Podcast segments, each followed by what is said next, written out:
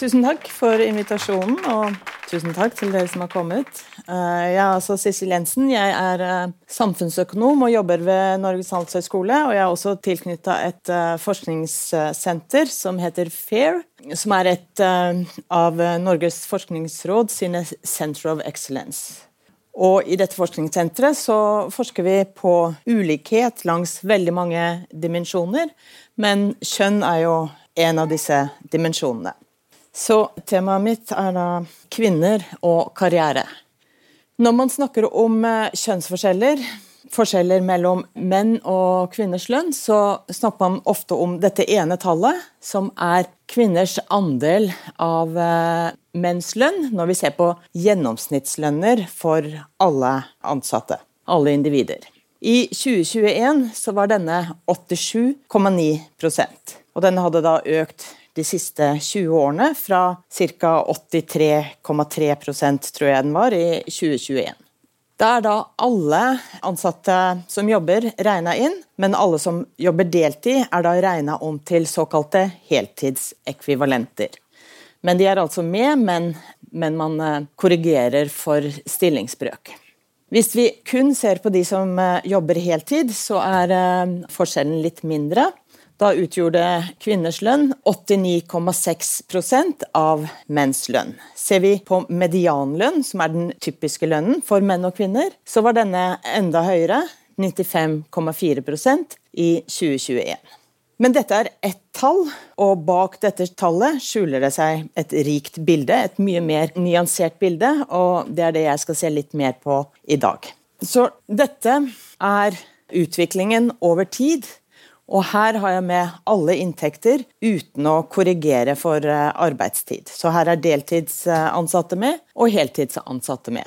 Her har jeg da begrensa det til alle personer som er mellom 25 og 67 år. Så har vi ikke med studenter, f.eks. De er da som er den primære yrkesaktive alderen.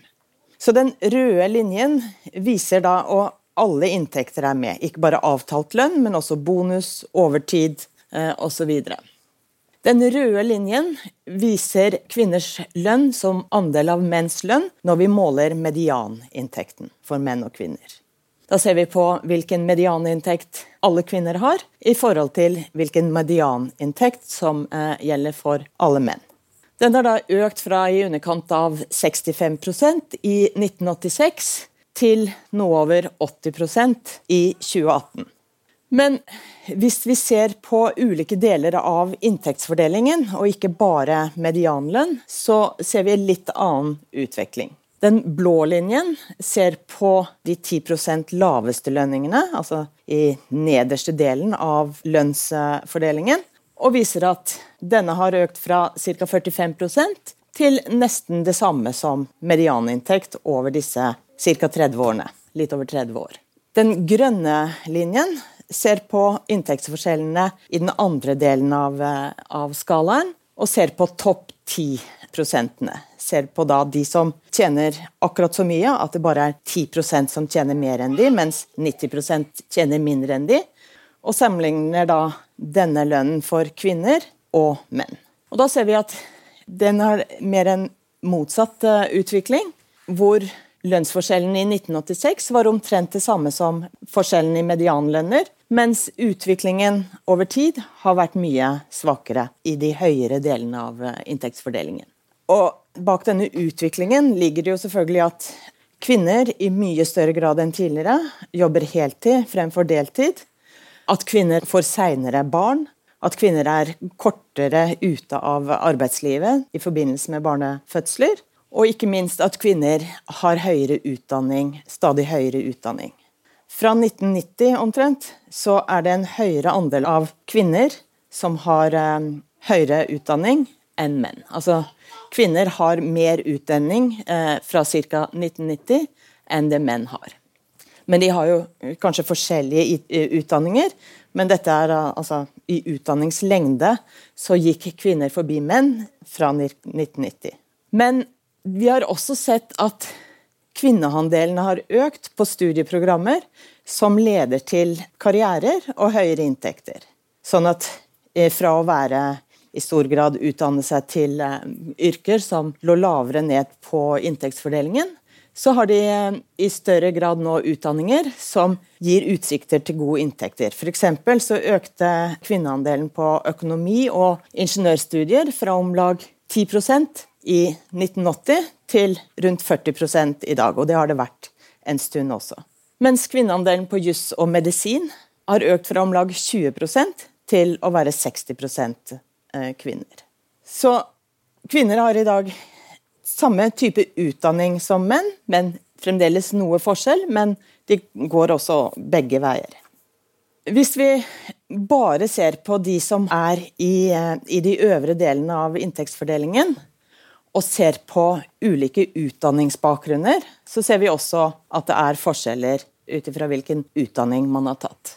Den røde linjen med prikker på viser medianinntekt, eh, viser forskjellen for alle, uansett utdanning. For de som er i topp fem, eh, toppen av inntektsfordelingen, altså de 5% høyeste inntektene. Så vi ser at der har det vært en økning, som ligner på det vi så i, i forrige, forrige, graf. Den brunaktige linjen med prikker på viser eh, denne kvinne-mann-raten for inntekter for de som har en mastergrad eller mer. Når vi kommer til da de som har høyere utdanning, så ser vi at her er det en mye mindre, i mindre grad eh, en endring over tid. Det, den har ligget relativt flatt, men ser noe endring de siste åtte-ti årene. Men ellers er det ikke mye bedre i dag enn det var for 30 år siden. Hvis vi ser på, uh, nyanserer dette med utdanningsbakgrunn, så ser vi f.eks. den grønne linjen er uh, leger. De ligger bedre, de har en lav, mindre forskjeller enn totaltallet for uh, masterutdanna. Det har gått litt ned, og så har det gått litt opp igjen. Men det har ikke blitt noe spesielt bedre over tid i inntektstoppen blant leger. Men de ligger vesentlig bedre an enn utviklingen for økonomer, som er den nederste oransje linjen. Her ser vi ingen eh, bedring over tid. Det går, litt, går mye ned, litt opp, ned, opp. Selvfølgelig det er færre av disse, men, eh, men det viser ingen, eh, ikke noe spesielt positiv trend over tid, over disse 30 årene. Den blå linjen er for uh, type ingeniørfag eller realfagsutdanninger, såkalte STEM-fag. Her ser vi en, en mer utvikling over tid. At kvinner som har valgt disse type utdanningene, i større grad gjør det bedre i forhold til uh, sine tidligere søstre, kan du si. Så bildet er forskjellig, avhengig av hvilken utdanningsbakgrunn vi ser på, og hvor i inntektsfordelingen vi, vi, ser på tallene. Og Hvis vi tenker på karriere, så tenker vi vel på individer som har tatt en utdanning, og som ønsker å gjøre det bra innenfor sitt yrke, sånn at det er kvinner som ønsker å gjøre det som regel like bra som menn. I utgangspunktet så vil vi nå tenke sånn. En annen bidrag til eh, eller altså Dette oversetter kan vi også si at har en tilsvarende eh, effekt på hvor mange kvinner vi ser i inntektstoppen. Og Da kan vi også se på utviklingen over tid her. Den grønne linjen viser hvor mange menn vi finner per kvinne blant den 1 eh, øverste inntektene. I 1986 var det nesten 40 menn per kvinne i den øverste prosenten. Mens dette har falt mye i løpet av 80- og 90-tallet, men har flata mer ut på 2000-tallet. Bildet er litt bedre når vi ser på topp fem-inntekter eller topp ti eh, prosentinntekter. Men det er det samme at mye skjedde på 80- og 90-tallet, og mindre har skjedd utover på 2000-tallet.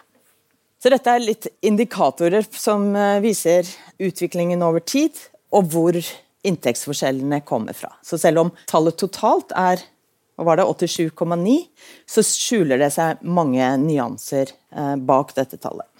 Så ved å se på utdanningsbakgrunner, så ser vi jo noe, men så kan det jo være sånn at med omtrent samme utdanning, så går man inn i ulike yrker.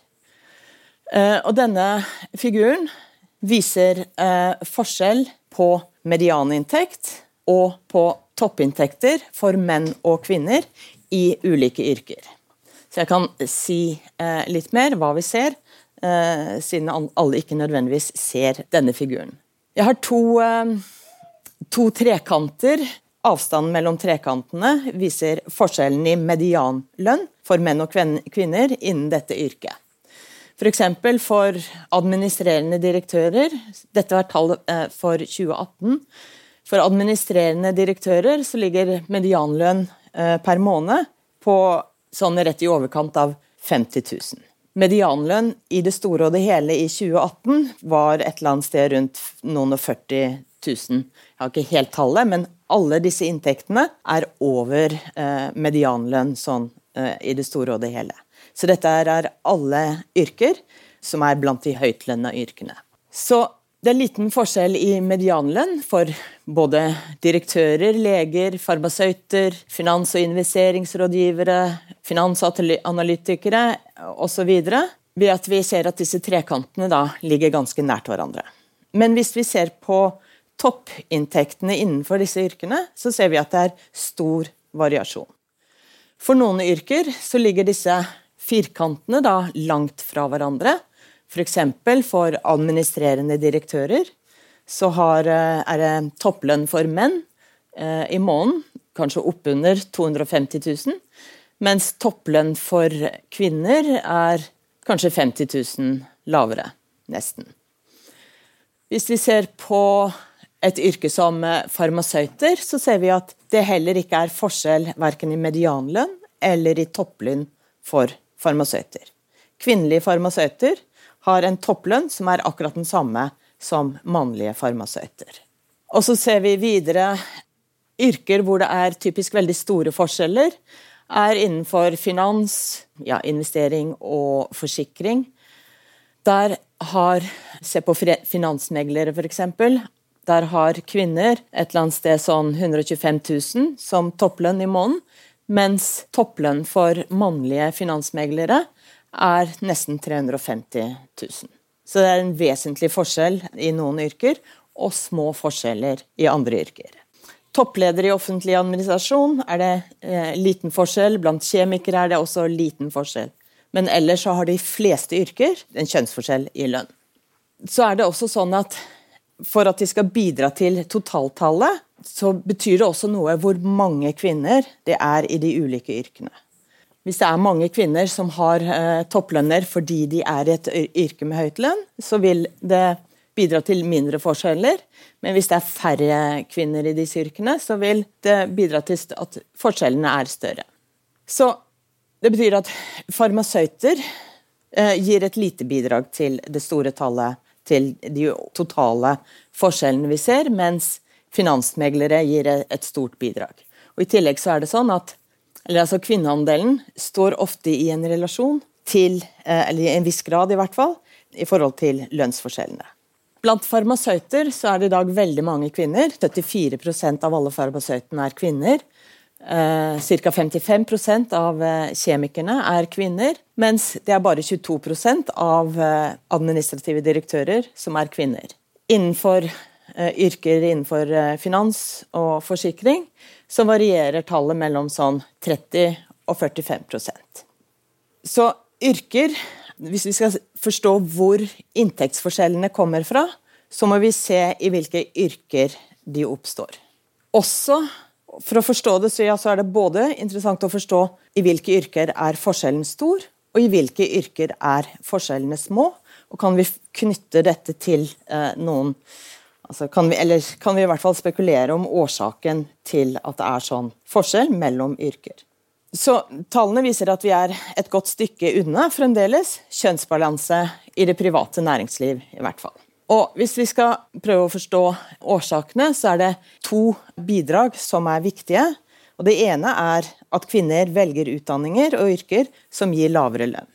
Det er dette at eh, man sier at man har et eh, kjønnssegregert eh, arbeidsmarked. At menn og kvinner jobber i forskjellige deler av arbeidslivet.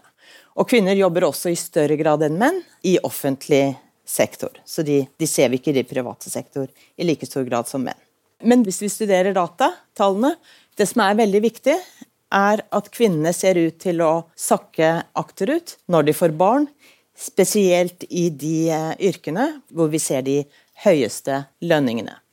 Og så er det selvfølgelig en mengde andre faktorer som spiller inn. Ønsker, preferanser. Så er det dette at kvinner har ikke, i og med at de ikke har, de kommer like høyt opp i stillingshierarkiene som menn, så har de ikke like store nettverk som menn.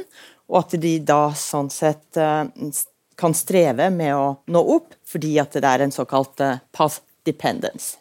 Og så er det også mange som peker på at menn og kvinner kan være forskjellige når det kommer til forhold som potensielt kan ha betydning for eh, hvordan man gjør det karrieremessig.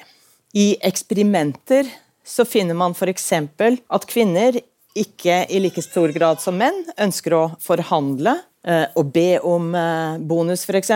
Eller de er ikke like villige som menn til å konkurrere Eh, men satser mer på sikrere utfall. Eller de tar ikke risiko i samme grad som menn. Og dette er jo forhold som potensielt kan ha betydning for hvor godt man gjør det karrieremessig. Det som mangler, er imidlertid den linken fra eksperimentene til det virkelige livet. Og der vet vi litt mindre om hvilken betydning disse tingene har i det faktiske eh, yrkeslivet men det kan potensielt spille en rolle. Og så er det også dette at diskriminering er ikke en faktor folk eh, tror har en betydning i dag. altså Rent eh, eksplisitt eh, diskriminering. Men det er klart at det fremdeles eksisterer, og alle har det, en eller annen ubevisst oppfatning av hva som er typiske egenskaper for menn, hva er typiske egenskaper for kvinner, hva er de gode på og mindre gode på. Men de er ubevisste. Eh, mange mener at de ser forbi dette her, men det er vanskelig å vite om de faktisk kan påvirke både ansettelser og forfremmelser i bedrifter. Det jeg skal si litt mer om, det er akkurat dette her med hvorfor kvinner sakker akterut når de får barn karrieremessig.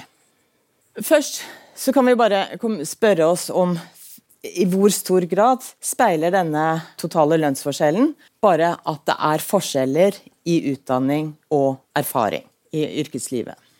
Så når vi studerer dette i data, så kan vi kontrollere for forskjeller i utdanning, forskjeller i erfaring, hvor mange år de har jobbet, hvor lang tid de har vært ute av yrkeslivet eh, osv., og, og hvilket valg de har tatt med hensyn til yrket. Så vi kan kontrollere for en rekke observerbare faktorer, både for menn og kvinner. Og så gjenstår det, står vi igjen med da en lønnsforskjell som vi fremdeles ikke kan forklare med noe vi kan observere. Og det er mange som sier eh, ofte at lønnsgapet vi har i Norge, skyldes at vi har et kjønnssegregert arbeidsmarked.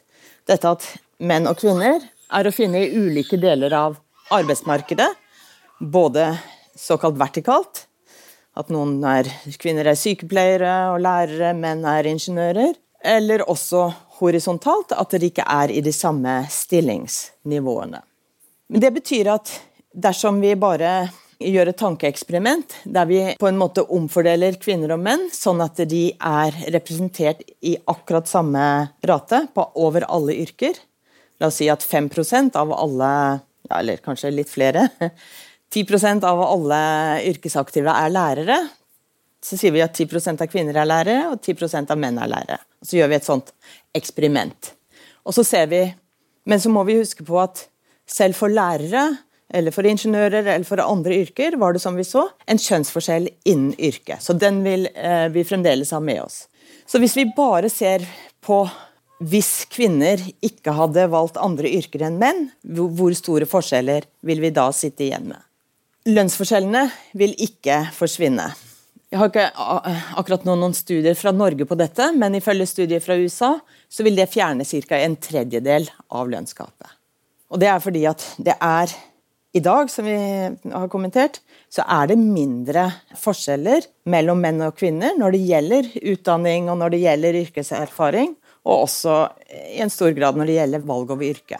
Så de forklarer stadig mindre av den forskjellen vi ser. Så selv om vi så at lønnsgapet har blitt mindre over tid, eh, men det betyr egentlig at det er mindre forskjeller i observerbare karakteristika mellom menn og kvinner over tid. Men som, den forskjellen som gjenstår, er stadig vanskeligere å forklare. Sånn at en stor del av det lønnsgapet som gjenstår, kanskje så mye som to tredjedel, kan vi ikke forklare med, med såkalte produktive forskjeller i produktive karakteristika. Så det vi igjen, står igjen med, er da lønnsforskjeller innenfor samme yrke som vi ikke kan forklare. Og denne uforklarte forskjellen er større for høyt utdanna individer enn for lavt utdanna. Ja, og som jeg sa, så har også denne andelen økt over tid.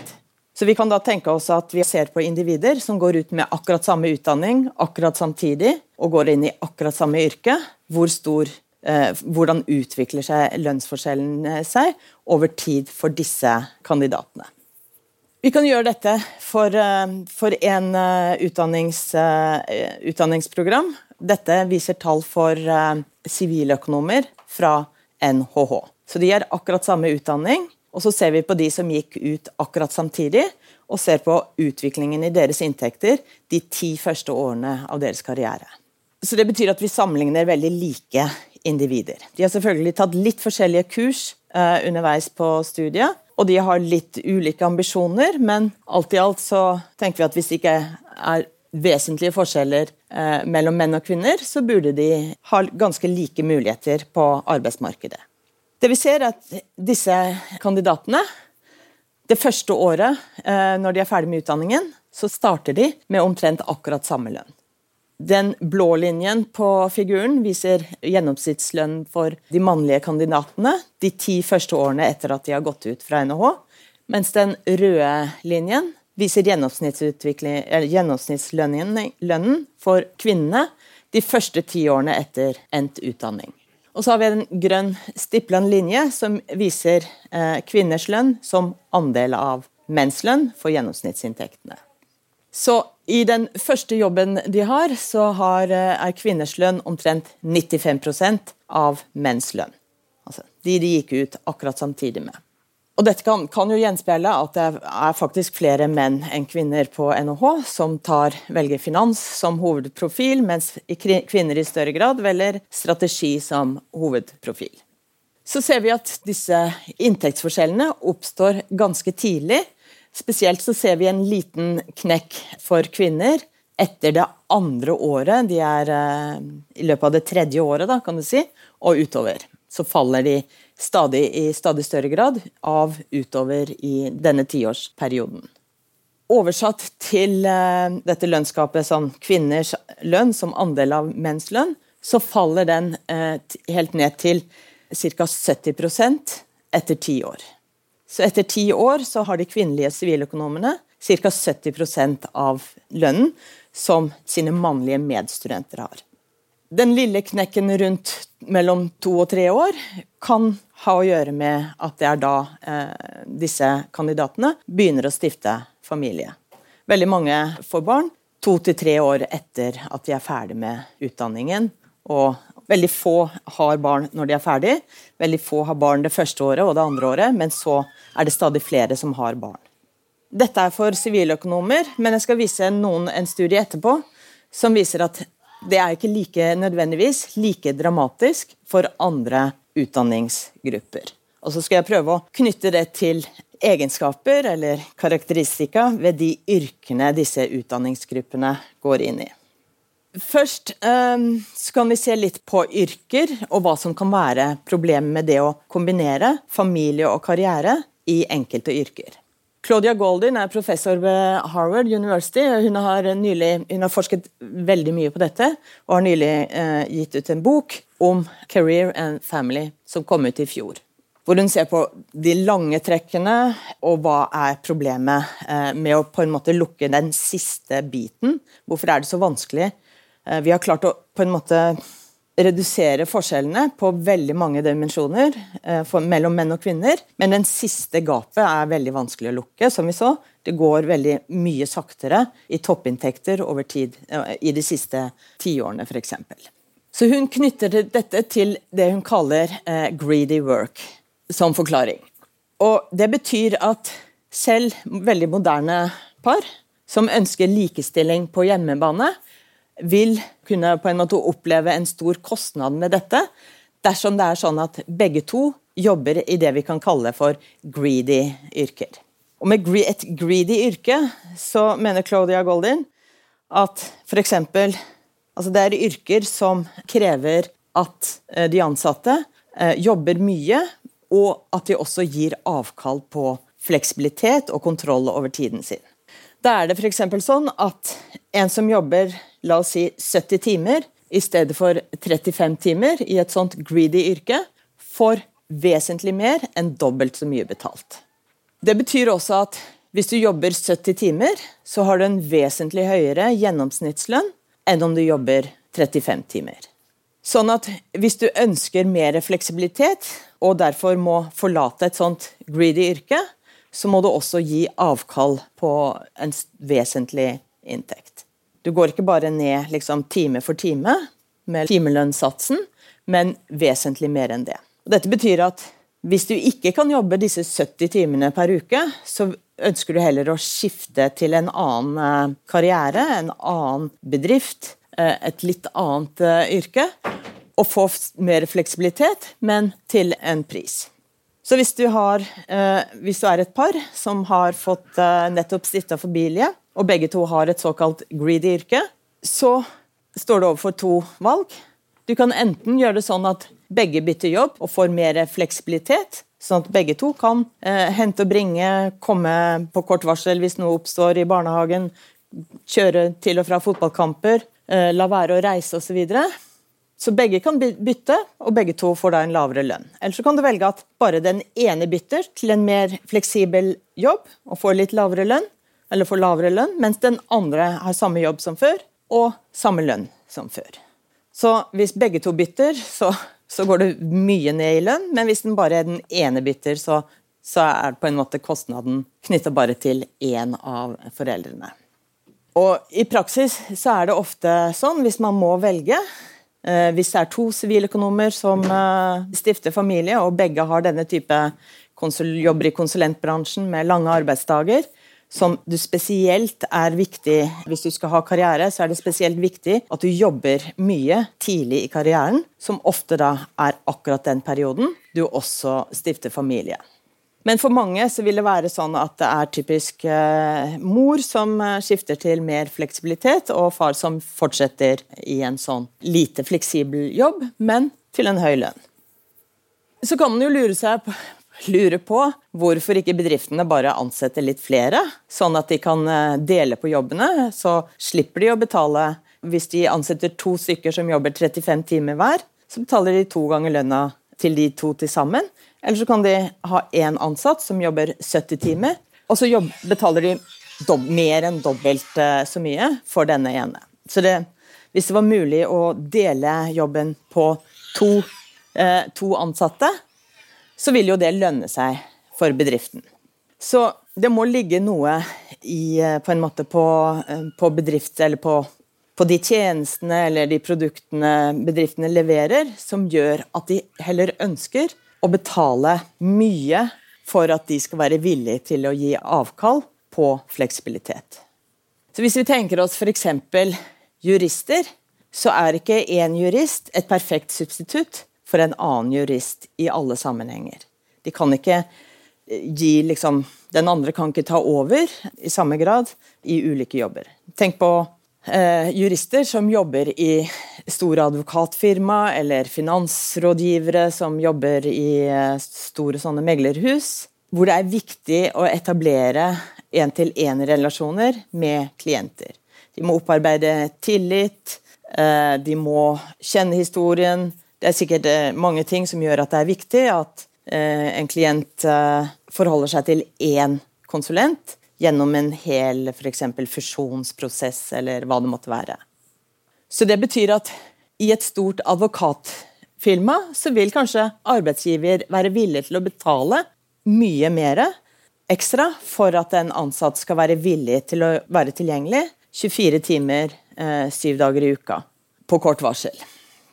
Mens hvis du ikke er villig til, villig til det, så kan du f.eks. bytte jobb og jobbe i en juridisk avdeling for et stort uh, selskap. Hvor du jobber i team med andre Man jobber, uh, deler mer på jobbene. Det er ikke så viktig at akkurat du er på jobb akkurat uh, når noe oppstår. Det vil alltid være noen andre som, som kan løse dette problemet. Eller hvis du jobber som jurist i et departement, så er man mer eller mindre det samme, hvem som gjør jobben, og man kan ta over Man deler informasjon spesielt. Det er ikke noe sånn face-to-face-kontakt eh, som er viktig overfor, overfor noen klient eller kunde. Så det kan være grunner til at, at det lønner seg for bedriftene å betale veldig mye for at du skal gi avkall på, på viktig tid som du ellers ville hatt med familie, f.eks. Som regel så vil jo bedriftene tilrettelegge arbeidet sånn at folk er fornøyde med jobben og arbeidstida, og kan kombinere karriere og familie.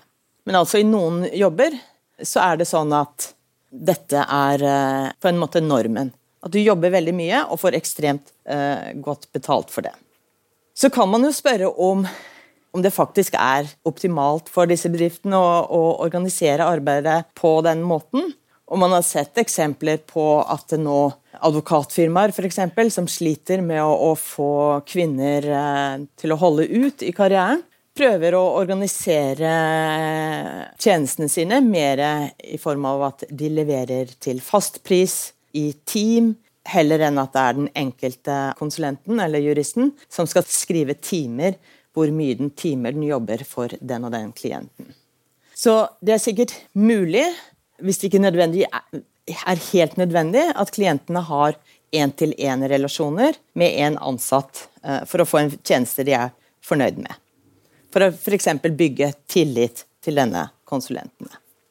Et annet spørsmål som også har oppstått etter eh, korona, er jo også om det er virkelig nødvendig å ha fysiske møter med disse klientene. Hvis du skal eh, være med på en eller annen er noe som skjer eh, et eller annet sted i Kina eller i Asia, er det nødvendig at du reiser til Kina eller Asia i en uke eller i helga, eller kan du gjøre dette via Zoom, eller på, uh, går det like bra? Så ja, jeg har ikke så mye kunnskap akkurat om hvordan disse virksomhetene organiserer jobbene, men det er spørsmål som er relevante, om dette bare er gammel vane, eller om uh, det også kan lønne seg for bedriftene å endre måten de organiserer arbeidsoppgavene på litt. Claudia Goldin har også studert og prøvde å finne ut hvilke yrker kan klassifiseres som greedy, og hvilke yrker er i mindre grad sånn greedy på folk. Uten å gå nærmere inn på hvordan hun gjør dette her, men så kommer hun frem til at yrker innenfor eh, teknologi, stemfag, er eksempler på mer fleksible yrker, mindre greedy yrker. Mens yrker innen eh, business, finans og juss er vesentlig mindre fleksible. Og hun finner også at det er en sammenheng, at det er større lønnsgap i yrker med mindre fleksibilitet. Og Hvis vi går tilbake til eh, den eh, figuren som viste lønnsforskjeller over ulike yrker, så er det det samme som vi ser for Norge. Det er store lønnskap innenfor business og finans, juss, forsikring, eh, mens mindre lønnskap i yrker som er da mer fleksible. De har også en egen studie på farmasøyter, bare for å se om det er sånn at lønnsforskjellene endrer seg i takt med at yrket endrer seg fra å være, fra å være lite fleksibelt til å bli veldig fleksibelt. Før så jobba alle farmasøyter som selvstendig næringsdrivende, og du måtte jobbe lange dager for å få høy lønn. I dag er alle ansatt i, eh, i sånne kjeder, og du kan eh, gå ned og opp i arbeidstid. Lønna endrer seg i takt med, med, med timer du jobber, mens timelønnen endres i mindre grad.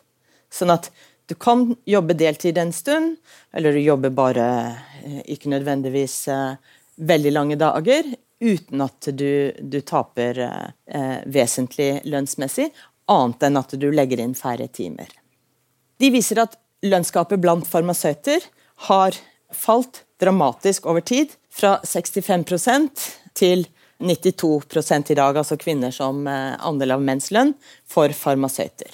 Og det er akkurat de samme tallene som vi finner i Norge. Norge og USA er veldig forskjellige på mange måter når det gjelder sånn familiepolitikk, eh, utdanningspolitikk og ja, langs mange eh, dimensjoner. Men bedrifter er ikke nødvendigvis veldig forskjellige i hvordan de produserer, ansetter, ansetter folk. Så skal vi se bare kort da på denne andre delen av det. fordi at fleksibilitet er et problem når du har behov for det, og det behovet oppstår idet man stifter familie. Så det er først og fremst når du får ditt første barn, at man på en måte opplever at det er et problem å kombinere eh, familie og karriere i såkalt da, lite fleksible yrker. Så vi, sammen med kollegaer Aline Butikhofer og Kjell Salmenes, så så vi på lønnsutviklingen i årene før og etter første barn for noen utdanningsgrupper. Vi så på lønn tre år før de fikk barn, og fulgte da eh, utviklingen ti år etter at de fikk sitt første barn. Vi så på kvinner og menn som hadde samme utdanning, og vi valgte igjen eh, utdanninger som hadde utsikter til høye inntekter. Så vi så på økonomer, jurister, leger eller ingeniører. Og blant disse igjen så plukka vi ut de som hadde en veldig sterk karrierestart. Så vi så på de som lå i den øverste 20% av inntekter de tre første årene etter at de var ferdig med utdanningen. Så disse er på en måte på det vi kan kalle et tidlig karrierespor. Så så vi da hva skjedde med disse veldig like kandidatene når de blir foreldre. Sammenligna mannlige økonomer med kvinnelige økonomer, altså fedre, de som blir fedre versus de som blir mødre, innenfor hver av disse fire utdanningsløpene. Og Tanken er da å se om det er forskjell. Først og fremst altså at det er interessant i forhold til at vi tenker at økonomer og jurister i mye større grad går inn i såkalte lite fleksible yrker, mens ingeniører i stor grad begynner i mer fleksible yrker. Og Utviklingen for økonomer og jurister så da sånn ut. Og Da ser vi da den røde linjen viser eh, utviklingen for kvinner, og ser da på hvor mye de, eh, taper de på en måte inntektsmessig eh, ved å få barn, og Da sammenligner vi da med den inntekten de ville hatt dersom de ikke hadde fått barn. Så dette er litt sånn teknisk akkurat hvordan vi gjorde det, men det er det som kurvene viser. Og Da ser vi at for økonomer så har det ingen betydning om de blir fedre. Mens kvinnene får en nedgang, og så får de en oppgang, kommer de seg litt igjen etter hvert, men de tar aldri igjen mennene, og mennene går stadig sterkere ifra. Hvis vi ser på ingeniører, så ser vi et litt annet bilde. Det er ikke så veldig forskjellig nødvendigvis for, eh, for kvinnene som blir mødre. De har også et, en nedgang de par første årene, men så klatrer de opp igjen. Men her ser vi også at mennene har en eh, Ja, du kan se at mennene blir fedre, og de har eh, ikke den kraftige økningen som mannlige økonomer har. Som kan bety at de har også fleksible yrker og kan dele mer på, på omsorgsbyrdene hjemme. Ja. Så hva som skal til da, for å øke takten, det er ikke så lett helt å si, bortsett fra at det er i grunnen bedriftene tenker vi, som er viktige for å lukke det siste eh, stykket av eh, gapet. Og det er viktig for bedriftene. Altså Hvis du er bedrift og på en måte i praksis på en eller annen måte, gjennom hvordan du organiserer arbeidet f.eks., går glipp av eh, eller hindrer eh, kvinner i å bli ansatt, gjør at kvinner ikke ønsker å jobbe der, så betyr det jo at man går glipp av talenter. For talenter er stort sett likt fordelt. Mens bedrifter som løser problemene, og som forstår hva som skal til for å eh, holde på talentfulle kvinner, de vil kunne mer, være mer lønnsomme og de vil da også vokse mer enn eh, de bedriftene som ikke klarer å løse problemene.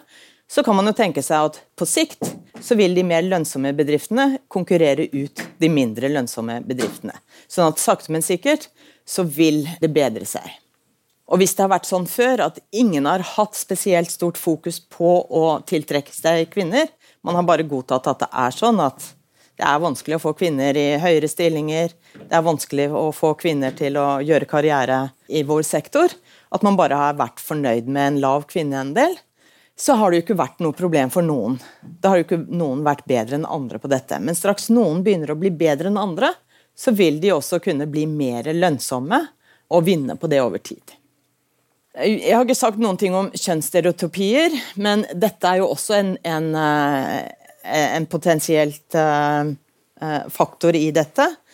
Og vi ser at det kan også være forskjell på bedrifter, hvor flinke de er til å se forbi kjønnsstereotypier når de ansetter og forfremmer. Og dette har som regel å gjøre med at de har god ledelse, og at de har på en måte profesjonell eh, ledelsespraksis i bedriften. Offentlig politikk eller reguleringer, eh, kan vi håpe noe der? Eh, bortsett fra alt som har med familiepolitikk å gjøre, fedrekvote osv. Så, videre, så har vi hatt et eksperiment i Norge som var å pålegge alle ASA-styrene å ha minst 40 av hvert kjønn, og dette har vært et krav siden 2008. Ideen med denne loven var at det ved å bare påtvinge dette på en del av næringslivet, altså spesielle stillinger eller posisjoner, så ville det kunne ha smitteeffekter utover, nedover i organisasjonene og i bredere deler av næringslivet. Jeg har vært med på en studie der vi har studert effekten av denne kjønnskvoteringsloven på kjønnsforskjeller i arbeidsmarkedet. Men eh, vår studie viser at dette er ikke noe quick fix. Det som var eh, Det har ja, ingen forskjeller utover at det kom flere kvinner i styrene. Men vi viste at det ikke helt var hold i næringslivets påstand om at det var helt umulig å finne kvalifiserte kvinner. De hadde sånn altså 60% av ASA-styrene hadde ikke en, en eneste kvinner i styret sitt i 2003. Og de påstod det var helt umulig å finne kvalifiserte kvinner, og at de hadde leita overalt. Når de måtte, så viste det seg at de, de fant de, og at de var bedre kvalifisert enn de de hadde funnet før. Et annet offentlig inngrep er det som nå er innført som en del av denne aktivitets- og redegjørelsesplikten i eh, diskriminerings- og likestillingsloven. Fra 2021 så er alle bedrifter med mer enn 50 ansatte pålagt å gi annethvert år en detaljert eh, lønnsrapportering som viser lønnsforskjeller mellom menn og kvinner i deres bedrift. Det er detaljerte eh, retningslinjer om hvordan dette skal rapporteres, og det er også et krav at dette skal eh, opp i styret, og det skal stå i årsrapporten. Så alle kan se hvordan tilstanden er i hver enkelt bedrift. Eh, forskning på et tilsvarende krav i Danmark viser positive effekter. Lønnsforskjellene avtok for de bedriftene som måtte rapportere, sammenlignet med de som ikke ble stilt overfor et sånt krav. De ansatte flere kvinner, og de forfremma flere kvinner. Eh, en årsak til at lønnsforskjellene gikk ned, var at mennenes lønninger ikke økte i like stor grad som før. Så kanskje var det lettere å si nei til eh, krav om lønnsøkninger fra mannlige arbeidstakere, når du visste at dette blir synlig for all verden, fordi det bidrar til et negativt eh, bilde når det gjelder tilstanden for likestilling i bedriftene. Hvis dere vil vite mer, så kan dere gå på våre nettsider og se litt på hva vi forsker på, prosjekter vi har. Tusen takk for at dere kom og hørte på. Akademisk lunsj onsdager klokka tolv på Bergen offentlige bibliotek, eller når du vil på bergenbibliotek.no, eller der du lytter til podkast.